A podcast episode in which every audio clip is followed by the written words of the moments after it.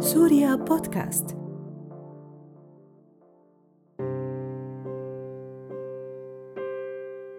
بس تسمع كلمة سجن بيروح خيالك فورا لصورة بناء بحيطان عالية وعتمة وتعذيب وخوف. يمكن معك حق بس مع بودكاست البحث عن المعنى رح نروح أبعد من هالصورة النمطية. رح نحاول نكتشف شو في ورا هالحيطان شو في براتها شو بتخبرنا حكايات وتجارب وعبر. كل هذا مع بعض برحلة آمنة وعميقة. يلا خلينا نباشر.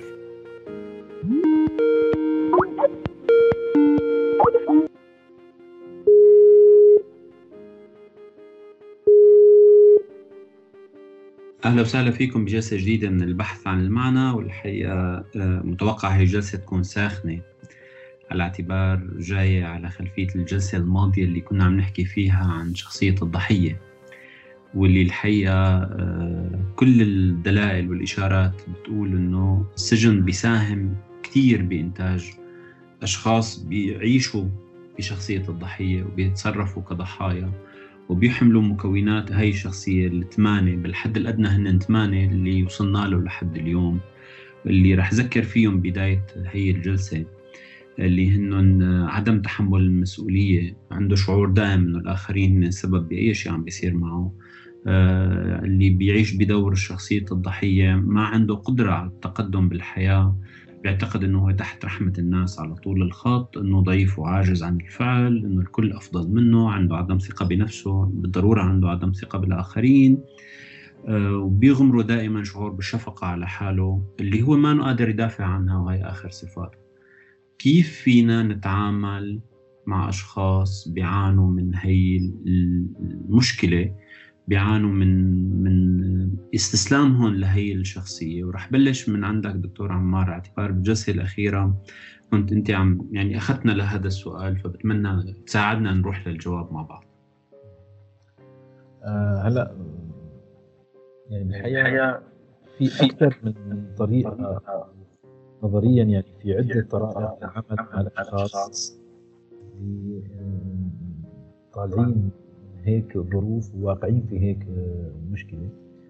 آه، وكل حدا بينطلق من يعني إذا حكينا آه، يعني هل نحن عم نحكي علاجيا ولا عم نحكي من مجتمعيا ولا عم نحكي مؤسساتيا؟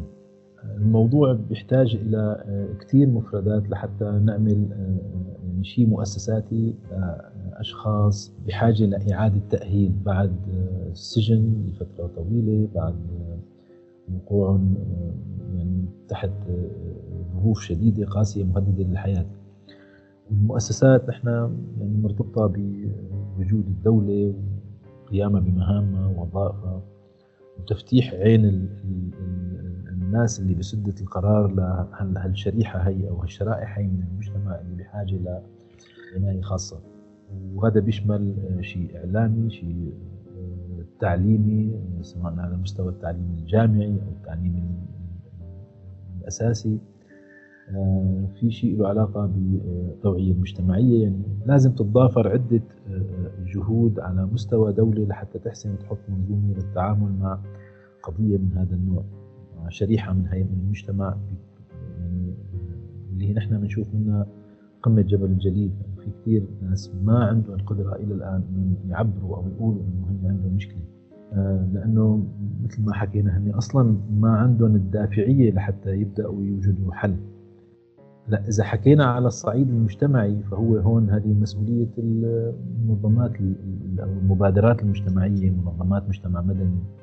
آه، أفراد مفتاحيين في المجتمع أنهم يسلطوا الضوء على المشاكل اللي بيعاني منها المجتمع واللي ما عم يصير في استجابة لها إنه نحن نعمل شيء كمجتمع لحتى نساعد أفراد على التعافي مشان المجتمع يعني يرجع هو يكون مجتمع متعافي.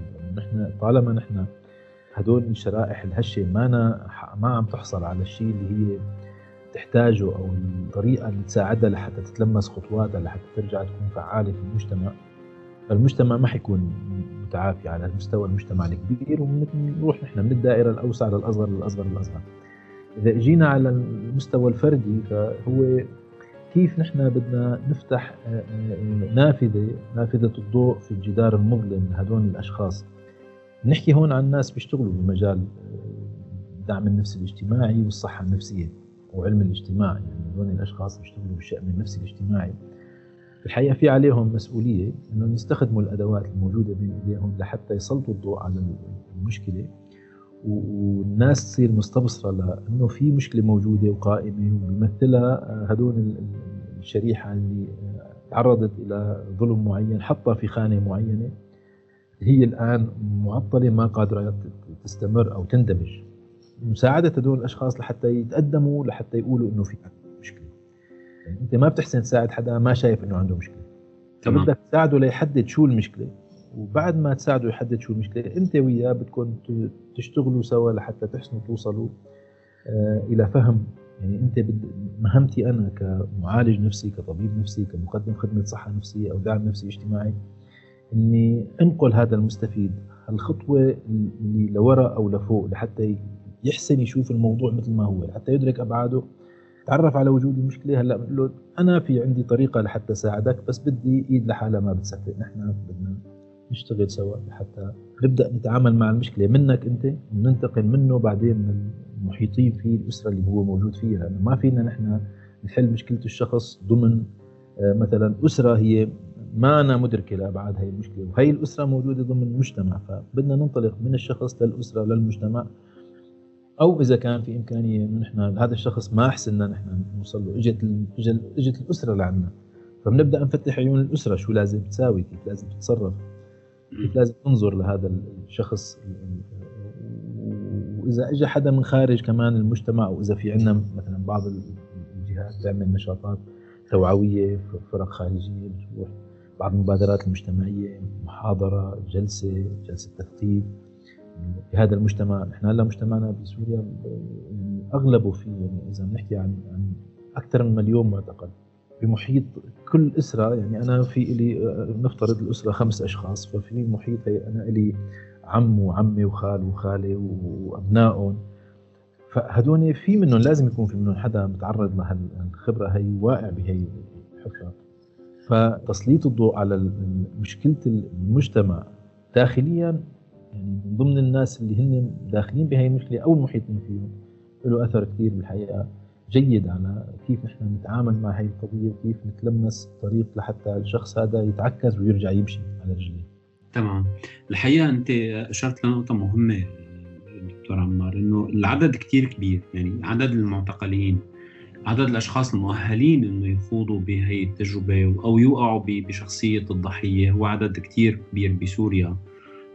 بسبب نتيجة الاعتقال العشوائي والواسع الانتشار بين صفوف الناس خاصة بعد الثورة وكان في تجربة الثمانينات بالضرورة. لكن آه، وجود مراكز خدمة آه، للصحة النفسية أو الرعاية النفسية أو هاي التفاصيل هي الحقيقة قليلة ونادرة وما كثير منتشرة. عم بيوقع كثير على عاتق الأسرة والمجتمع الصغير دور المساعدة. لو افترضت أنه أنا شخص من هدول الأشخاص الموجودين بهذا المجتمع ولمحت عند حدا من الناس قدرت استوعب إنه هذا الإنسان يعاني من شخصية الضحية. كيف ممكن أنا ساعده كيف ممكن آه، بادر لأني أعمل شيء خليه يفكر بمشكلته خليه يقرر مثل ما أنت قلت إنه آه فعلا أنا عندي مشكلة أنا لازم أوقف قدام هاي المشكلة ولاقي مين يساعدني. عم بحكي عن الإنسان العادي الإنسان خلينا نسميه اللي متوسط المستوى الثقافي والتعليمي ما راح أقول إنه هو إنسان جامعي، إنسان عادي اللي هو عموم السوريين، عمومنا نحن كلنا بهاي السوية، لأنه هذا الإنسان هو اللي ممكن يعمل الفرق. هدول الأشخاص اللي إذا امتلكوا ولو خبرات مو خبرات بسيطة خلينا نقول معارف بسيطة بتساعدهم انه هن يساعدوا الآخرين. هل هذا الشيء صحي بالأول بالبداية؟ وقد إيه ممكن؟ لا يعني نحن أنا حكيت أول شيء إنه نحن لازم يكون عندنا وعي بوجود المشكلة. فأنا بدي آه، حساسيات المجتمع لهدول الأشخاص تكون موجودة. فبحاجه لخطاب يستخدم كل الوسائل المتاحة لحتى ارفع الوعي عند الأشخاص العاديين مثل هلأ برنامجنا اللي عم نحكي نحكي فيه. هو برنامج هو جاذب العنوان جاذب ولكن أنا بحاجة إني أعمل على وجود هذا الوعي إذا ما كان موجود وإذا كان موجود انه يكون بصورة ملائمة عند الأشخاص. كيف أنا نهتم؟ كيف نهتم بهذه النماذج؟ آه، هل نتوجه لها بشكل مباشر؟ لأنه انت عندك مشكلة؟ لا هون ممكن كثير إنه آليات الدفاع عند الشخص تقول لك لا أنا ما عندي مشكلة. أنت عندك مشكلة. آه، بالحقيقة التوجه المباشر شوي في آه، إشكالية من الأشخاص اللي ما عندهم خلفية عن الموضوع، يعني بالتالي نحن بنشوف مجتمعنا كيف بيتم التعامل مع هذول الأشخاص. يا بيتسلط الضوء عليهم على إنه هن أبطال خصوصا إذا كانوا ذكور. وطالع من المعتقل بيحتفلوا فيه حفلة وعراضة ويعني إذا كان مكان شوي هيك ما في آه، ضبط وربط إطلاق رصاص ومثل العرس بتقول. وبدون التفكير بأنه هو الشخص شو فكرته عن حاله أو أنه آه، خطي ومسكين وشعور الشفقة عليه وعلى أسرته. وهذا كمان هو كمان إشكالي أنت عم تشفق على واحد وهو يعني بجوز هو ما شايف حاله إنه ما بده هي الشفقة تبعك ما بده هذا التعامل الدوني. تماما. صديقي عمر أنا بالمرة الماضية آخر جلسة كنت بنقاش مع أشخاص أوروبيين الحقيقة له علاقة الموضوع كان بالاعتقال فسألوا إنه نحن اليوم في بيناتنا كثير سوريين عندهم تجربة اعتقال كيف فينا نتعامل معه؟ وهذا أنا بشوفه هو سؤال واعي بالضرورة يعني. فالحقيقة أول شيء قلت لهم أنتم ما تعملوا معه كضحية حتى لسه قبل ما نخوض بهي الجلسة وهذا النقاش ما تعمل معه لأنه هو ضحية لأنه هو يا حرام. هو إنسان عادي طبيعي عنده مشاكل عم بيحاول يحلها. إذا بتقدر تساعده ليحلها بيكون ممتاز. إذا ما بتقدر تساعده ضوي له عليها فقط. قد إيه هذا فعلا نافع إنه نحن نقوم بهذا الدور؟ أو خليني أرجع للسؤال اللي بلشنا فيه من البداية كيف بدنا نتعامل مع هدول الأشخاص؟ أه، يعني كمان هذا بيرجعنا لإنه نرجع نفرق مرة ثانية من باب إنه الإنسان سلوكه غرضي وهادف. دائما السلوك الإنساني هو غرضي وهادف يعني ما هو هو ما من بلاش. حتى لو كان بالنسبة لي أنا كفرد ما مدرك لدوافعي أو مدرك أحيانا وكذلك الآخرين. فبدنا نفرق بين حدا عم يلعب دور الضحية وهذا بدنا نشوف ليش هالثقافه بتسمح للعب دور الضحية. يعني مثلا ربما هذه طلب الشفقة والمظلومية اللي حكى عنها عمار اللي تستجلب الشفقة هذا يعني في ناس واعيين تماما يقول لك آه، شو بيقول لك؟ يعني إذا احتجت الكلب بوس إيده وقول له يا حج كلب. إيه وفي في أمثال كثير يعني ما ما بدنا نفتح هلا أكثر بس بتعزز هاي المعتقدات مرة ثانية وهي الطريقة من العمل. بس إذا سألنا هيك ورا القصة يعني هي المظلومية اللي بدها هذا التعاطف معه من وين جاية؟ هذا مرة ثانية برجع وبقول جاية من هي العلاقة الغير صحية. ما بين حدا بيستغل ضعف آخر أو عجزه أو نقاط ضعفه وهذا اللي بيخلي المعتقل لأنه هو آه، سلب من كل حقوقه. هو غير قادر على الرد الآن وعم يستغل في بقائه. يعني ممكن يقبل باغتصابه أو تقبل باغتصابه بس يبقى حي ربما يعني. وكلمة قبول هون يعني لا يعني قرار إرادة واعية لكن هذه استجابة طبيعية. فهذه المشكلة اللي موجودة بين هدول الطرفين. من الضرورة نحن فينا نسميها يعني قمة الإجرام العاطفي كلمة يمكن إساءة عاطفية لأنه في ارتباط على طول ما بين الإساءة العاطفية وما بين الأحداث المرعبة اللي بيتعرض لها الشخص كيف تنعكس على حياته فنحن بدنا ننتبه الخطاب مع هدول الناس مثل ما تفضل جابر هل ثقافتهم بتعزز دور الضحية؟ هل هن لا ينجو إلا إذا كانوا خاضعين؟ وهي النقطة اللي كنت حابب أخبر عنها بنهاية الجلسة الماضية لأنه نحن قلنا في هدول الست حالات اللي بمر فيهم الشخص ليحمي نفسه.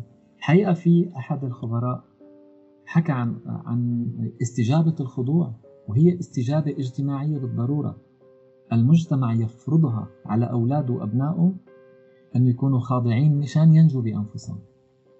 ومشان هيك مع الأسف مع الأسف هوية الضحية تبرر للمجرم وتبرر للمسيء وتبرر للجلاد أفعاله.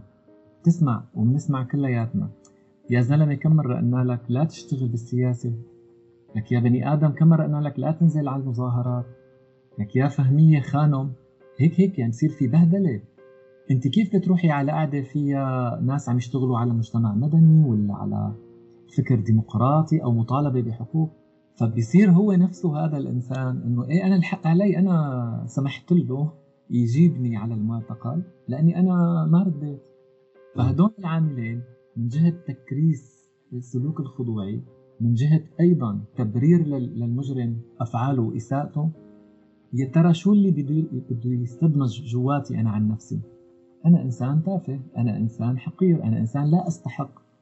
وبالتالي حتى أنا يعني خليني أقول لك إني أرجع أنجو مرة ثانية فمحتاج إنه الآخرين يشوفوني بهذا الدور. إذا ما كان للأسف صار عندي هوية. مع الأسف مع الأسف نحن عم نلاحظه كهوية أكثر من إنه هو دور في في ذكاء البقاء. إذا بدنا نحكي على هيك أدوات ومهارات البقاء. يعني دائما الحديث عم يرجع ياخذنا لنفس السؤال الكبير اللي بلشنا فيه من أول جلسة. هل سوريا سجن كبير؟ واضح تمام إنه الميكانيزمات المجتمع وآليات التعليم اللي أشار لها الدكتور عمار كمان اليوم المناهج والأدوات اليونيفورم اللباس الموحد الصدريه اللي لونها غريب والبدلة الفتوة وطريقه التعامل الموحدة حلاقه الشعر الموحدة. وحدة المفردات الوحدة. اللي لساتها عايشة بيناتنا لليوم رغم إنه بين قوسين كان في ثورة إلا نحن لليوم بنحكي بلغة بعثية بنحكي بخطاب بعثي بأسلوب بعثي اللي نحن تربينا عليه. كل هدول الأشياء كل هاي العوامل عم تدفع السوري حتى يكون صاحب هوية الضحية مثل ما أنت قلت. مش عم بيعيش دور الضحية حتى ينجو. قد إيه الزمن امتداد الزمن هون بيلعب دور هلأ عم نحكي عن مستوى الصحة النفسية الاجتماعية مش الفردية. على مجتمع مطبوخ صار له 60 سنة مسكر عليه الغطاء وعم ينصهر بهاي الأشياء اللي نحن ذكرناها آه شو اسمه أبنائنا في الجولان برنامج التعليمي أفلام كرتون هي نفسها عم نحكي من نحن وصغار كثير المدرسة الأستاذ اللي بيحمل العصاية على طول الخط اللحم لكم والعظم إلنا. كل هاي الخطابات اللي عم بتكرس على طول إنه السلطة هي صاحبة القول النهائي وقول الفصل في كل ما يحدث. وأنت وأنت الحق عليك بكل شيء بصير فيك. بالضرورة. كيف بدنا نكسر هاي الدائرة؟ هو السؤال كيف ممكن نكسر هاي الدائرة؟ وبدي بلش من عندك عمر ونروح لعند دكتور عمار لنجاوب على السؤال. تمام يعني حتى حتى بدي رد أرجع مرة ثانية لهذا النظام المركب من نظام الاعتقاد والأفكار عن النفس عن الآخر عن الحياة. آه، ونحن وقت بنقول نظام المعتقدات ابدا ما بصير نفصل ما بين الفكرة عن الشيء عن الأمر عن الإنسان عن الحياة والقيم والمعاني حتى المعاني عن الحياة عنا.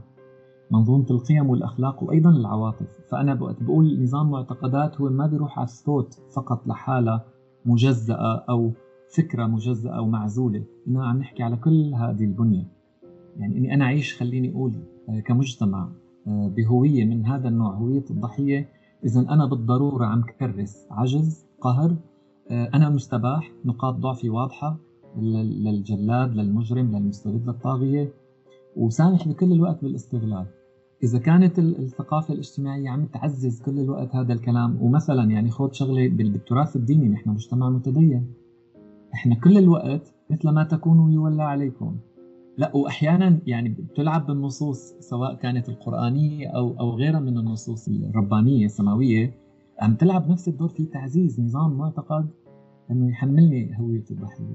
في نقطة ثانية ثقافتنا عم تأثر بشكل كتير كبير فيها جابر. ثقافتنا ثقافة الجماعة أهم من الفرد. وأكبر منك بيوم أعلم منك بسنة عم بتروح على إطار خضوعي إخضاعي أكثر مما هو إطار تبادل خبرات ونماء. بين ما أنا أسمع والدي وأستاذي ودكتوري وحتى الشيخ بالجامع حتى المدرب بالرياضة ولا الموسيقى ولا الرسم ولا الخط بين ما أسمعه على مبدأ أنه هو عم يحملني خبرة حياة آه، وعم عم يفسح لي المجال للاقي بدائل جديدة من دون ما أرجع أعيد اختراع العجلة بين ما أنا لا دير بالك أبوك عمك خالك آه، أستاذك شيخك. الحكومة معقولة أنت أفهم من الحكومة؟ هي الثقافة في شيء هيك مصطلح بعلم النفس وعلم النفس الاجتماعي كمان ممكن نحكي. الذات خارجية الضبط. يعني أنا ما بقدر أضبط نفسي من جوا محتاج منك تعليمات محتاج منك افعل لا تفعل. هلأ أول أول تعافي من آه، مسألة التخلص من هوية الضحية هو إني أنا أرجع أعمل خليني أقول مراجعة مراجعة نقدية لنظام الاعتقاد عندي مثل ما قلنا بما فيه العواطف والقيم والأفكار وال... السرديات الماضي اللي اللي جاية من من آبائنا يعني. بالضرورة نحتاج عندما نعيد أو نعمل على مراجعة معتقداتنا حول ذاتيتي وأهميتي في هذا الوجود بالضرورة لازم نوقف إطلاق الأحكام. يعني بدل ما أقول أنا غبي لأني صرفت بالشكل الفلاني سمحت للمجرم يعمل معي هيك بدي وقف كلمة أنا غبي. بدي أرجع أشوف أنا دوري وين. أنا عم بقوم بواجب اجتماعي آه، وتذكير بقضية إنسانية.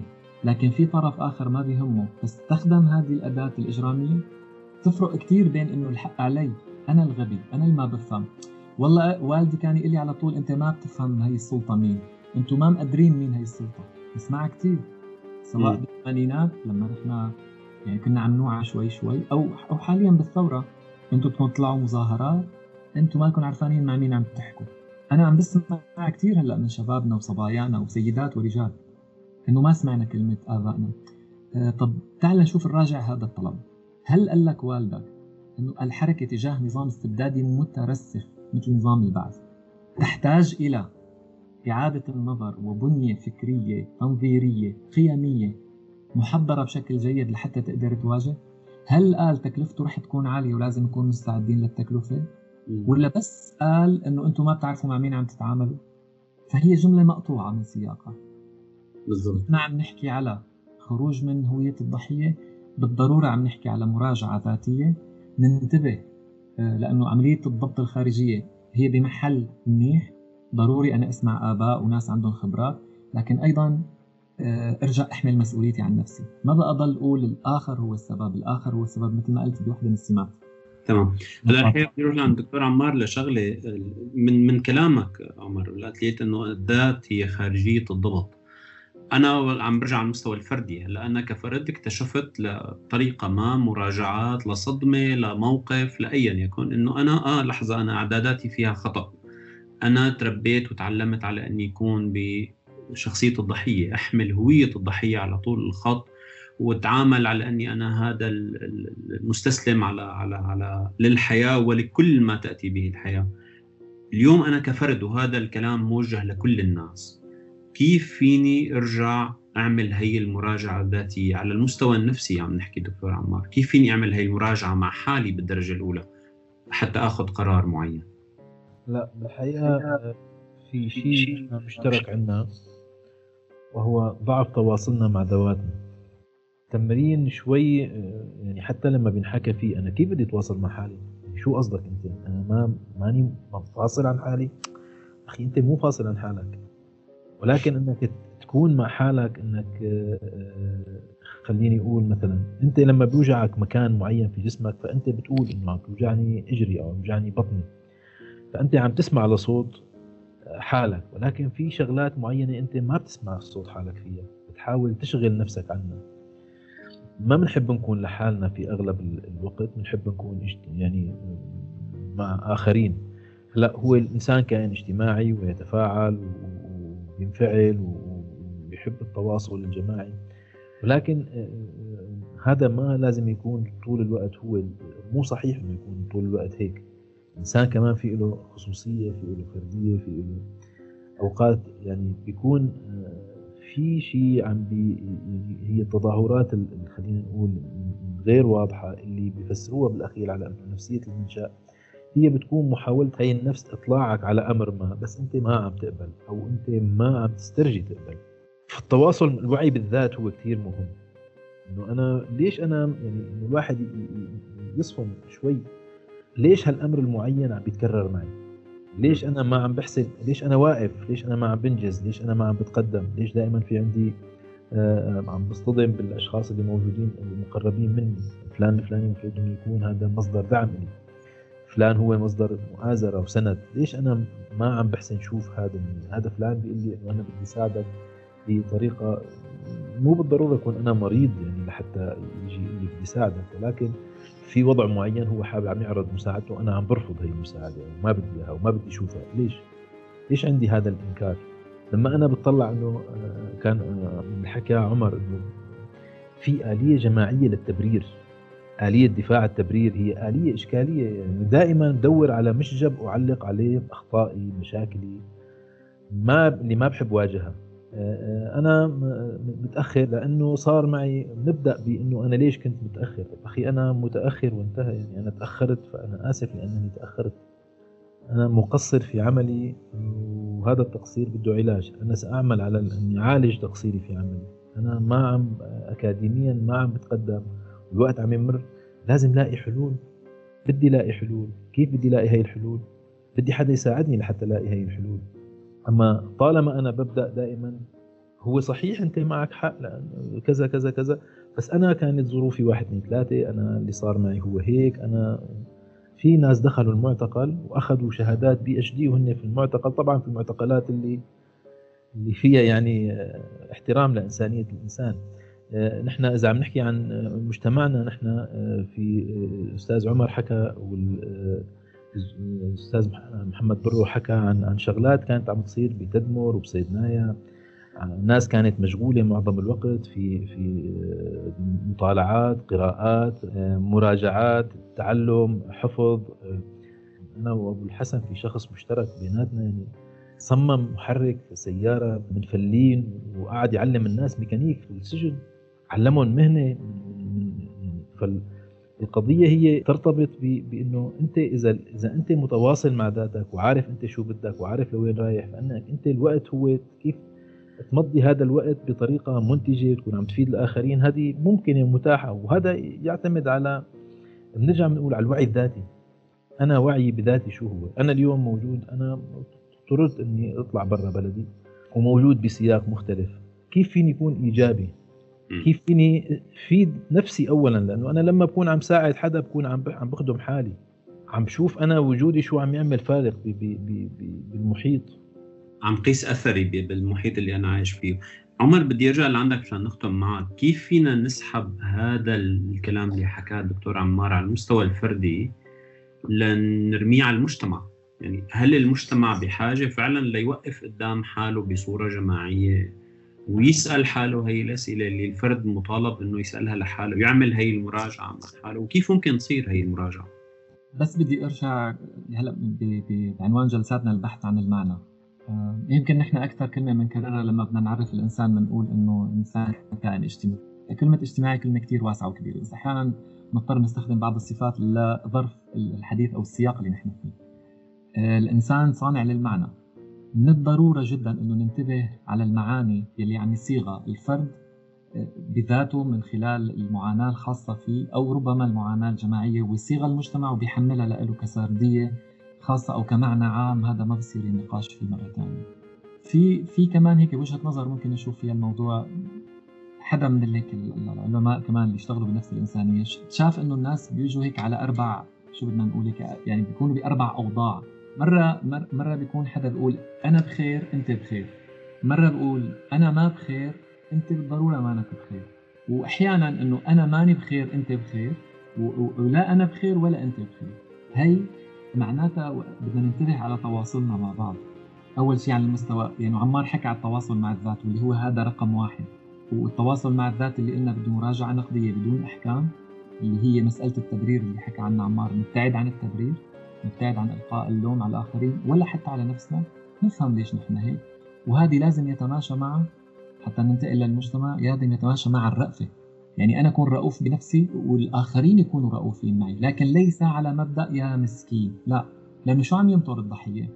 بدي أرجع لنقطتك اللي بديت فيها الجلسة اليوم. إنه الآخرين اللي كنتوا بالجلسة وناس من الغرب يعني عم يسألوكم أنا شو عم أقول؟ أنا ماني بخير. وإنت بخير. ومشان لأنك أنت بخير في مجال تتخلالي عن هيك هال الذاتيه العالية تبعك النرجسيه العالية اللي ما ما شايفين غير حالكم. كيف كنت تحموا أوروبا من اللاجئين؟ وكيف كنت تحموا العالم من خطر السوريين؟ و... فهي الوضعية لما نحن بنسمح للآخر بسياق تواصلنا وبالابتعاد عن الرأفة والرحمة ووضع عدسة الشفقة رح نخليه لهذا الشخص حامل هي الوضعية جواته أو, أو هذا المعنى. أنا ماني بخير أنتم بخير لأنه عم تاكلوا وتشربوا ونايمين ومرتاحين. فأنت لما تجي لي شو أعمل لك؟ أنت عم تعزز عندي. أنا هو ماني محتاج ماني محتاج غير إنه يصير في هذا التعاطف المواجدة ال empathy وال compassion وال وال وال وال mercy. يعني الرأفة والرحمة والتعاطف والمواجدة. ما في داعي ما في داعي تجي تضل تقول لي شو صار معك بالسجن واحكي لي بالتفاصيل مشان نحاسب لك المجرم لأنه أنت يا مسكين صار فيك هيك. بنتي تسألني سؤال تالي. ليش ولا مرة حدا بسمعه بيحكي عن السجن مثل ما انت وفلان بيحكوا؟ انه كنتوا تحكوا لنا مثل ما قال هلا عمار قبل شوي انه صح كان في تعذيب وقهر بس كان في مكان كنتوا عم تشوفوا نفسكم فيه وتحكوا أفكار وصناعات وغيرها. محتاجين مرة ثانية جابر لننتبه إنه الإنسان صانع معنا. آه، نشوف المعاني عن نفسه وعن الآخرين وما نتعامل معه على أساس مرة ثانية إنه يا مسكين وتعال نوثق لك معاناتك وتعال ندافع لك عن حقك. تعال نشوف إحنا وياك كيف أنت تدافع عن حقك. لبين ما؟ العملية طويلة الحصول على العدالة عملية طويلة. لبين ما تصير؟ هلأ شو فينك تساعد نفسك؟ هيك؟ أنا جاي لعندكم مشان تساعدوني بتقولوا لي أنت شو فينك؟ أنا أصلا طالع ما عندي شيء أنا أصلا مهجر أنا أصلا كنت متت بالبحر الف موتة. بدنا ننتبه لهي اللغة بنتقبلها وبنفهمها. ما بدنا نكون قاسيين على الناس. بس مرة ثانية بنرجع بنقول آه، هي الرحمة موجودة بس بدنا نرجع لل خليني أقول لك البدائلية البناءة اللي حكى عنها مصطفى حجازي. يمكن يكون هيك أدق. الناس اللي بيتعرضوا للأحداث هي المرعبة للظلم المستمر للقهر ال ال ال يعني اللي هي كل الوقت راسخ في صدور الناس وعم يتعزز جواتهم. بيجمد بيجمد العقل بيجمد. ما بقى فينك تطالبني إني أنا لاقي شيء أنا بدي فسحة. من جهة أعمل المراجعة الذاتية آه، وأيضا أبحث عن مسارات جديدة لحتى يتحرر. هذا الجمود جواتي بيتحرر وهون بتجي دور هي البدائلية البناءة اللي هي يعني حكى عنها عمار بصفة الإيجابية. هي البدائلية البناءة. لا يمكن أن تحدث بدون الرأفة والتراحم. إذا بدنا نضل على مبدأ التقييم نحن بنضل عم نخسر. دعوتنا مثل ما الإنسان صانع معنا الإنسان رحيم بأخيه. حقيقة ختمة ممتازة إنه الإنسان صانع معنا ونحن عم نبحث عن المعنى على طول الخط اللي نحن عم نعيشه من تجارب. أه وصلنا لنهاية هي الجلسة. أه نلتقى معكم بالجلسة الجاية من البحث عن المعنى ورحلة بعمق التجربة سوية يسعد أوقاتكم. كنت معكم أنا جابر بجلسات البحث عن المعنى. تسمعونا كل يوم اثنين على سوريا بودكاست. البحث عن المعنى رحلة بعمق التجربة